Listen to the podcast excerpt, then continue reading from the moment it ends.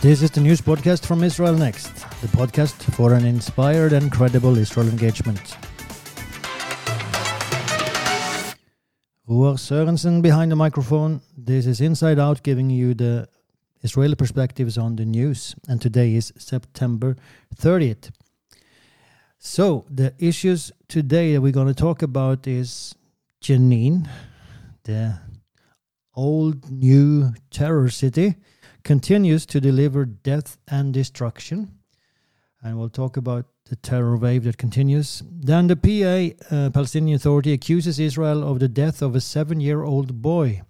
And the question is are they trying to create another Muhammad al Dura? We'll talk about Muhammad al Dura and who he was. Israel's Central Election Committee calls for banning the Arab party Balad from running in the upcoming elections. And the question is will they be able to do so? And why are they doing it? And then American Jews are becoming outcasts at US universities as more and more universities ban what they call Zionists. Uh, extremely uh, worrying tendency in the US there. So uh, we uh, go to Jenin and to terrorism first.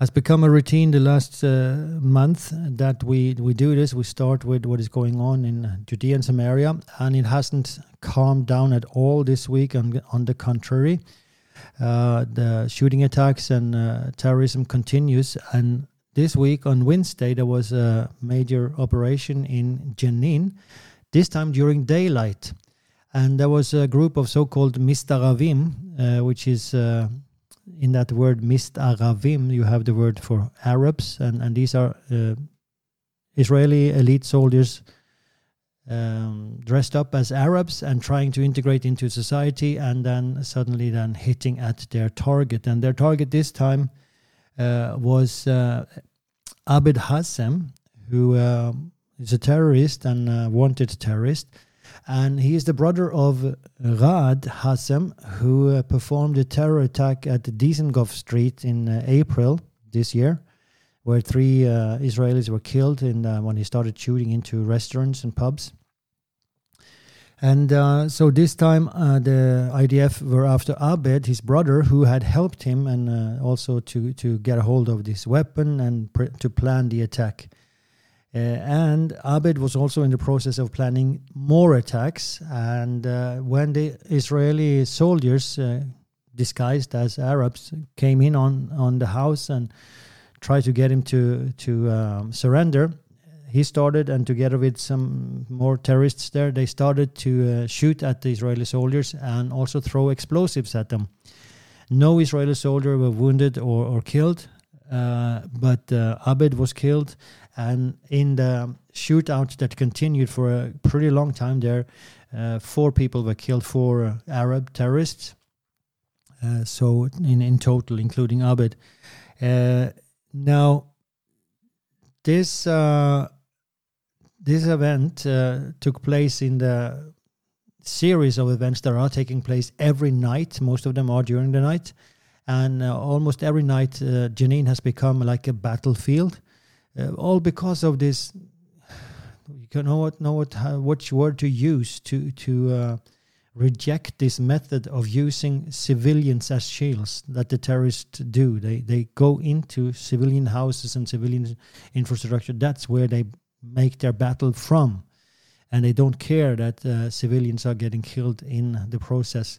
So uh, every night, Israeli soldiers are going in there and uh, hard battle uh, battles ensue. Uh, we have this city of Jenin where there is total anarchy. There is no um, security forces from the Palestinian Authority active anymore.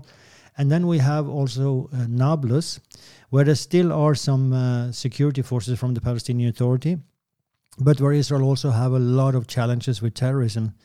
Uh, now the two the two cities are kind of competing with each other. Uh, the clans that are in those cities uh, and who can cause the most problems, who can cause the most deaths of Israelis.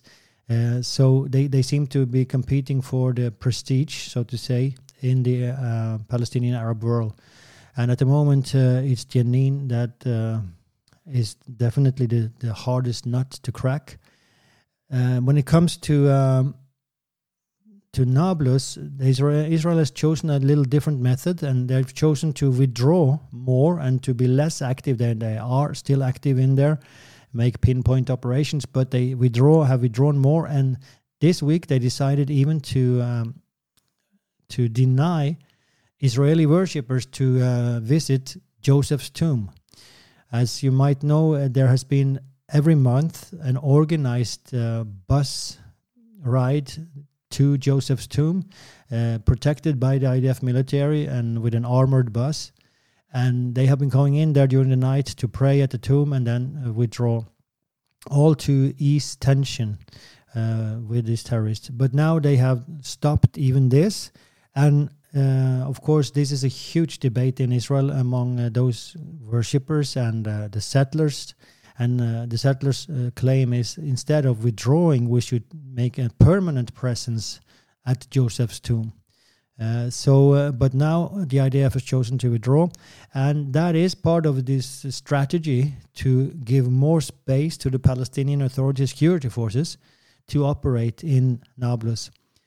Now, um, when Israel is operating in a certain area, these security forces are, are not acting at all. They are closing themselves in to their police stations or wherever they are, and uh, they don't want to end up in the between uh, the, in these battles. So, uh, so uh, there is some uh, argument here that you, when Israel is active, the Palestinian security forces cannot be active. Uh, and that's why Israel now is withdrawing from Nablus. But in Jenin, they're doing the opposite. So they're using two different ta- tactics here, and uh, we'll see what goes the best. But the claim is uh, from some on the Israeli left that uh, the more terrorists Israel kills and the more Israel is active in Judea and Samaria, the more terrorists will come up because they will be uh, encouraged, they will be uh, motivated by the deaths uh, of these and the cults around these terrorists, and there will become more terrorists. So, what Israel needs to do is to withdraw and allow for the Palestinian Authority to take their responsibility. The other approach is that, well, the only thing that can really put an end to this terrorism is IDF soldiers. As we saw during Operation Defensive Shield in 2002, where Gal Hirsch, who was responsible for that operation, and he was interviewed on this podcast. Uh, you can find an interview in the previous uh, recordings. Uh, he um, he was then responsible, and, and that operation it really crushed the terrorism in uh, Judea and Samaria for a long time to come. It had decisive effect. Uh, and so others uh, are saying that this is what we need. We cannot allow others to defend us, us they won't do a good job. And uh, truth is that this is what uh, history has proven since the security forces of the Palestinian Authority were established. Uh, they only act when it is in their interest. And uh, when Ma- Mahmoud Abbas sees that it is in his, in his interest, and if he sees that he can get some political gain from not operating, that then he will do that. So you cannot really trust them. And uh, in the worst case, they will even turn their weapons against Israel, which has already happened also during this wave of terror. So uh, it's a complicated uh, situation. Uh, and also just mention that uh, the father of these two uh, terrorists that I've been mentioning their names here, of Abed and Raad, the one from Dizengoff Street and the one that was killed this week, their father is Fatih Hassem and uh, he uh, expressed himself in in TV interview, and he said they had they have taken both my sons, but we will not cease to fight them.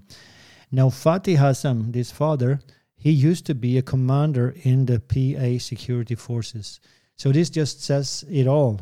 Here you have a person active in the security forces of the Palestinian Authority. His two sons become two of the worst terrorists, and he himself uh, supports them.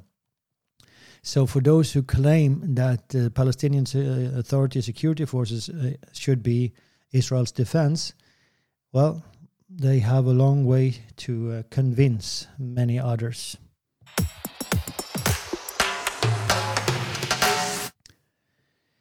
Now, the Palestinian Authority has also uh, started uh, or accuse is accusing Israel of the death of Rian Suleiman. Rian Suleiman was a seven-year-old boy that died on Thursday, and it happened in connection with an IDF operation. And the Palestinian Authority gives this story uh, that uh, Israeli soldiers came to the home of Rian and they uh, burst into the home uh, with violence and they uh, looked for Rian's brothers and they also kept running after Rian and then uh, Rian fell down and he from a height and he died and uh, that's one story that that they say uh, the father and family of Rian says that no, it was like this that uh, the soldiers came in, and he got so scared that he got an attack and died. The fact is that he is dead, uh, and we don't know the exact connection with the soldiers because the IDF soldiers say that what happened was that there was stone throwing at cars on the road we are now in Tekoa, which is just south of Bethlehem, uh, an Arab village there. There's also a settlement called Tekoa. And uh, they were stone throwing, and the Israeli soldiers went after the stone throwers, which might have been just children. It might even have been the brothers of, of Rian. Uh, but anyway, according to IDF, then they came to the house of Rian, uh, and his father came out on the stairs, and there was a calm conversation going on between uh, the soldier c- commander and this father. And then the soldiers left. So, uh, but now the Palestinian Authority are claiming that Rian is a martyr and he was murdered by the Israeli so called occupation. Uh, so, this, uh, of course, uh, has huge consequences. And what you can suspect is that the Palestinian Authority is trying to create another Muhammad al Dura. And for those who don't remember, Muhammad al Dura was killed in uh, exactly today, 22, wait a minute, 22 years ago. Yeah, year 2000, 30th of September. Uh, the day before what is called the Second Intifada, excuse me, or uh, the Al Aqsa Terror War started. Uh, and uh, so on, on this day, then 22 years ago, there was a battle uh, between Israeli soldiers in Gaza and uh, terrorists, terrorists that had uh, gotten into a building and were hiding there. And there's a famed uh, photography or videos from this battle filmed by a French TV station that had Arab crew members, Arab photographers. And they filmed this boy hiding behind a barrel with his father and in the end, uh, this this battle went on for a long time, and in the end, this boy is killed. Now, this is a long process, and uh, it came to courts even in Europe, uh, and it was proven that Israel was not responsible for the death of uh, Muhammad al-Dura. But uh, what came out back then, and what still, of course, is the truth, so to say, among Palestinian Arabs, is that Israeli soldiers killed him, and this he became like a poster figure for this uh, rebellion, this terror wave, the war that started back then, and which led continued for five years, and it led to the death of 1,400 Israelis and um, several thousand Palestinian Arabs. So, uh, if this is what uh, the Palestinian authorities is trying to create now. I mean, they are playing with fire here when they're trying to make this uh, Rian like a poster boy again for a new rebellion. Uh, it can cost a lot of lives. Now, the sad thing, of course, the sad thing is that Rian was, I mean, Rian died. In however way he died, of course, it's it's a tragedy in itself. But when it comes to the big political picture, the sad thing here is that the U.S. Uh, first on Thursday uh, they came with a statement and uh, they said that uh, regarding what is going on in Judea and Samaria, and the U.S. State Department spokesman Ned Price, he said on Wednesday, uh, and I just take a, a, short statement from what he said, a long statement. He said this: "We call on the parties themselves to contain the violence." And using this expression is so it's horrible, to be honest. Uh, we call on the parties themselves to contain the violence. First of all, you, when you say the parties, you're, you're talking as if, as if there are two equal part, parties here and that they are both engaged in violence. Now, doing this is, is taking a, a terrorist organization. We, we are talking about a terrorist organization or several that is illegal, first of all, according to international law and national law, whatever law you can find. A terrorist organization is an illegal entity, it's an evil entity with evil intentions. Uh, their goal is to murder as many Israelis as possible, be they soldiers or civilians. That is a terrorist organization. And, and they hide and they endanger their own population. And if you say, compare that with an army of a democratic state, uh, that has lots of checks and balances, an internal system of keeping everyone in line with uh, specific orders uh, that fight to defend their own citizens. Like every democratic nation has such an army. And you say here, kind of put them on the same level and say we call on both parties to contain the violence. Israel is not engaged in violence, Israel is engaged in defense.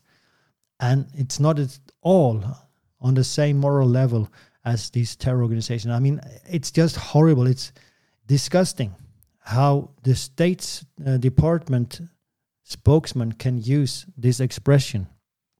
I, I can hardly find strong enough words because the US is supposed to be an ally of Israel. It's supposed to be Israel's closest ally.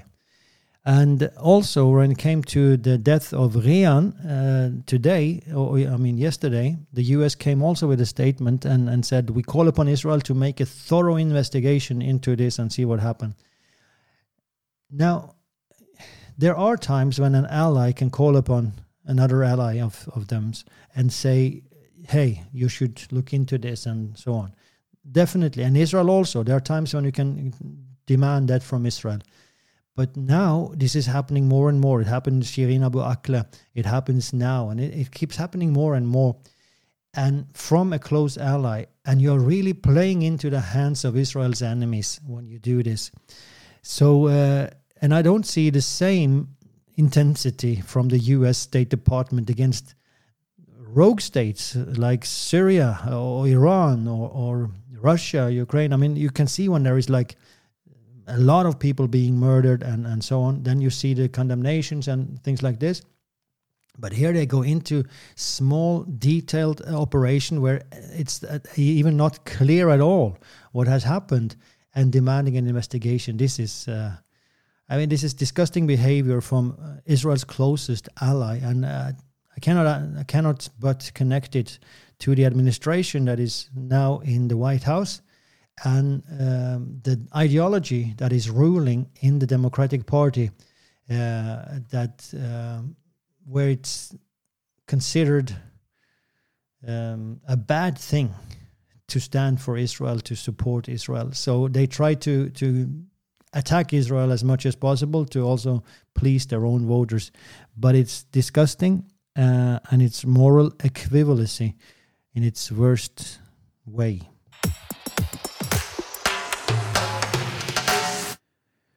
That takes us to uh, the election committee, the, the central election committee in Israel, which is really a body uh, con- consisting of representatives from different political parties. And uh, that before every election, they come together and they um, reject or accept different parties if they can stand uh, to election or not, they can run for election and uh, they there are uh, laws in Israel. There are three uh, rules or, or, laws that denies a party to run for election, and the first one is that uh, they negate the existence of the state of Israel as a Jewish and democratic state, Jewish and democratic. The second is incitement to racism, and the third is support for an armed struggle by a hostile state or a terrorist organization against Israel. So very clear uh, conditions here. These three things excludes a party from running for election in Israel. And now they want to, the Central Election Committee want to exclude Balad, an Arab party, based on the accusation that uh, they deny the existence of the state of Israel as a Jewish state. They, of course, want it as a democratic, but not, not as a Jewish. Um, so that that has happened before. Uh, that this party, specific party, Balad, it is an extreme party, and they are denying the state of Israel's right of existence as a Jewish state. So, so it's all clear. But this has happened seven times since 2003 that uh, this Central Election Committee has tried to stop Balad from running, and the Supreme Court has every time uh, approved them. So uh, they are in the Knesset today. Now, the thing is, and uh, that's the tragedy here, that this decision from the Central Election Committee, as I said, they are politicians from representing different parties. It's a very political decision that they make. And now, this time, it is really the left that is pushing for the exclusion of Balad. And the left usually don't do that. That's not their way to. They want to include uh, these Arabs because they kind of pull in the same direction. Um, but this time not. Uh, and this time the right wing, the Likud, uh, they are not active. They refuse to participate in this vote. Uh, they did not want to exclude Balad. It's all because of political purposes, because Balad now uh, split from the rest of the Arab parties, and the way it stands today, they will not manage to pass the electoral threshold, meaning they will burn a lot of votes on the Israeli left if they do run for election. And that's why the left is against them. They want to exclude them so that these votes can be cast for other parties on the left. And the same reason, then, or the opposite reason, that the right uh, refuses to take part in this uh, and uh, want them to run. Now, if you would go back to previous time that Balad was uh, also uh, excluded by the Central Election Committee, it was the right wing that led it. Uh, and uh, of course, on, on logical claims that they deny the Jewish state right of existence. So uh, it's just so sad to see how this changes according to what benefits the right or the left. Why not just do what is right?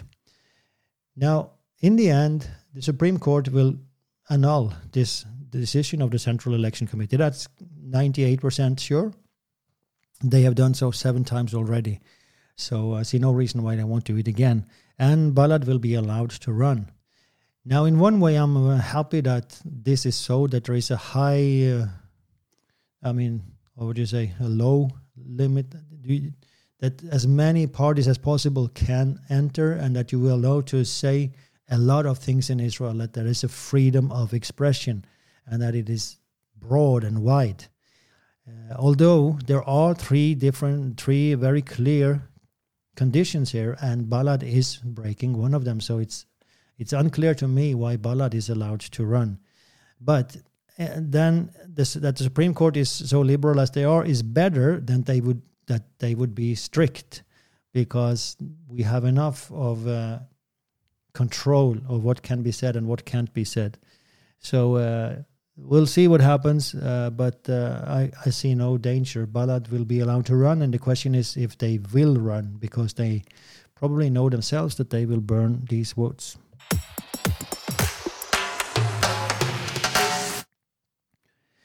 Now we go to the US and to the Jews there. Uh, that uh, in a University of California, Berkeley School of Law, a decision made there. Uh, they decided to amend the bylaws of that faculty to make sure that they do not invite any speaker that supports Israel or Zionism. Now, that is quite a broad uh, definition. And it also means that students that support Israel or Zionism will be considered as lepers among in the student body. Uh, I mean, if they don't want these lecturers uh, to come, uh, of course, the students that are there and are Zionists, meaning they support the right of Israel to exist, uh, will of course also be like outcasts in that faculty. And uh, this is uh, not the first time that there are attacks like this. In another university in the US, um, faculty head or member, I don't remember exactly, but she was she was uh, fired because of her Zionist stand. And, and Zionist stand, as a, it's just that you uh, accept Israel's right to exist. That's enough for these groups. And this, of course, makes a mockery of academic freedom. You know, there used to be as an ideal that uh, academic freedom says that uh, all viewpoints must be heard. Uh, and uh, unless, I mean, they are really extreme uh, encouragement to violence or, or murder and, and, genocide, then, but even then, I mean, that, that it has been so liberal that academic freedom, in the universities at least, you should be allowed to voice almost anything. And it makes a mockery of this. And of course, you need to have this this plurality of opinions to be able to discuss a thing in depth and and now that will be denied for these students. And um, every student that will come to Berkeley now will not be, be hearing the Israeli version of things. And of course that will make them extremely anti-Israel. And these will grow up to become leaders in society. They will be judges they will be lawyers and so on. And uh, they will have voices of influence in society and that will create an extremely dangerous atmosphere. It's already started. We see, I mean, that this decision wouldn't have come if this hadn't already started and had come a far way. So, um, in the end, it will be like it's only those that have the correct, in uh, quotation marks, opinions, only they will have a right to speak. And in the end, it might be that even only they will have a right to live. I mean, it has gone that far before. This is a dangerous road to walk down. And as I said, it's not the first incident. I have a quote from uh, an article written in uh, JNS, it's a, a, Jewish magazine, and uh, it's Kenneth Marcus who said uh, the following Anti Zionism, I mean, if you're against the existence of the Jewish state, is flatly anti Semitic it's being against Jews. Using Zionist as a euphemism for Jew is nothing more than a confidence trick. Like other forms of Judeophobia, it's an ideology of hate, treating Israel as the collective Jew and smearing the Jewish state with defamations similar to those used for centuries to vilify individual Jews. So uh, it's very clear speech here uh, from Marcus uh, that there is really no difference between anti-Zionism and anti-Semitism because you just have ex- exchanged the Jew with Israel. Israel has become the new Jew, and what was allowed to say about the Jews in previous centuries and still today uh, is now allowed to say about Israel. So um, it is really um, extremely worrying that this is taking place in the US that was supposed to be and, and is considered still by many as a haven of freedom for minorities. Uh, and uh, of course, Jews are a minority. So uh, here has something gone very wrong. Now, this atmosphere that is, will be created as a result of this and will penetrate the US if, if it isn't stopped because it's going on in many universities and it will take a generation and uh, the US will be completely anti Semitic.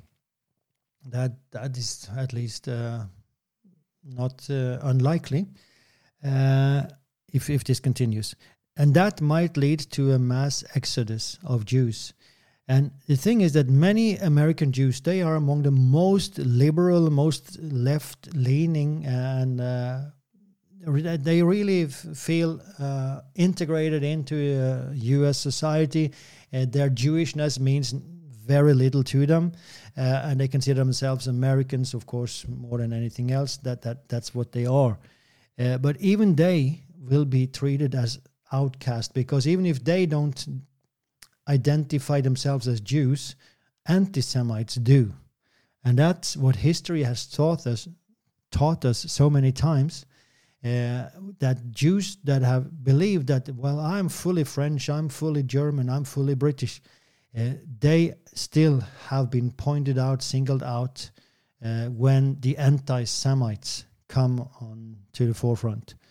So um, the anti Semites will not allow Jews to ignore their their heritage. So, as I said, a worrying uh, tendency that is going on there. We have come to uh, Parashat HaShavua, the weekly Torah portion, which this time is uh, Vayelech, um, and he went. From Deuteronomy 31, I mean, it's just that chapter 31, 1 to 30. And here Moses gives the last words before his death to, to the Israelites. He uh, promises that God will be with them uh, as they go to conquer the land. And then he commands them to read the law, the Torah publicly every seventh year. And then he predicts that they will rebel once they are safe and satisfied in the land. Uh, it's a very uh, sad uh, part, this thing that uh, he says, I know that once you I am dead and you have taken the land, you will rebel and you will turn away from God and and calamity will come upon you. So this is a very sad portion.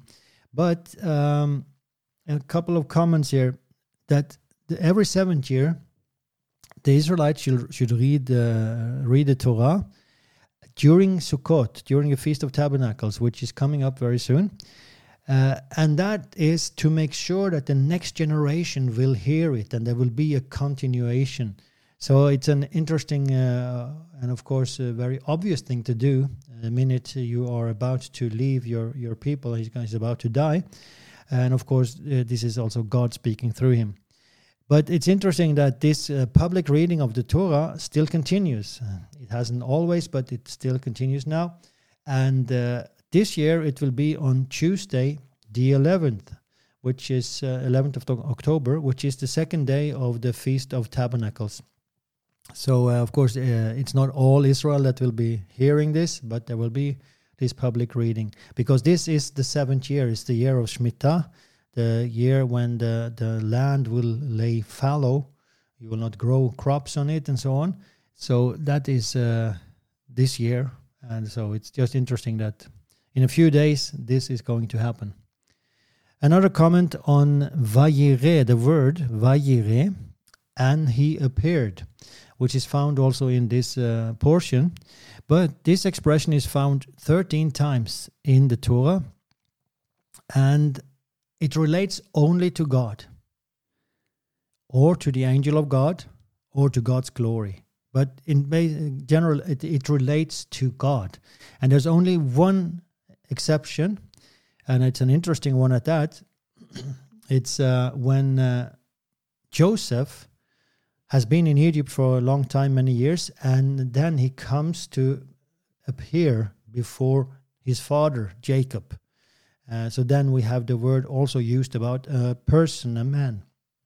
So it would be interesting to make a study of that, but uh, we will focus on the the twelve times then that this is used about God, uh, God's the angel of God, or um, the glory of God, and. Um, in uh, the first part of the, the Pentateuch or uh, Genesis, there we have God appear as this word, Vayire. God appears to Abraham three times. It's used in connection with Abraham three times. It's used in connection with Isaac two times. And it's used in connection with Jacob one time. So all the patriarchs, three, two, one, we have God appearing to them. Um, then we have an angel of the Lord uh, appearing as well, and the glory of the Lord another six times. But according to this commentator, and I, I also checked this uh, afterwards, interesting that all of these instances, all these 12, and you might even say 13, including Joseph, instances has to do with the land of Israel. And many times, especially in the beginning there, it's connected to God giving the promise of the land to Abraham, Isaac, and Jacob.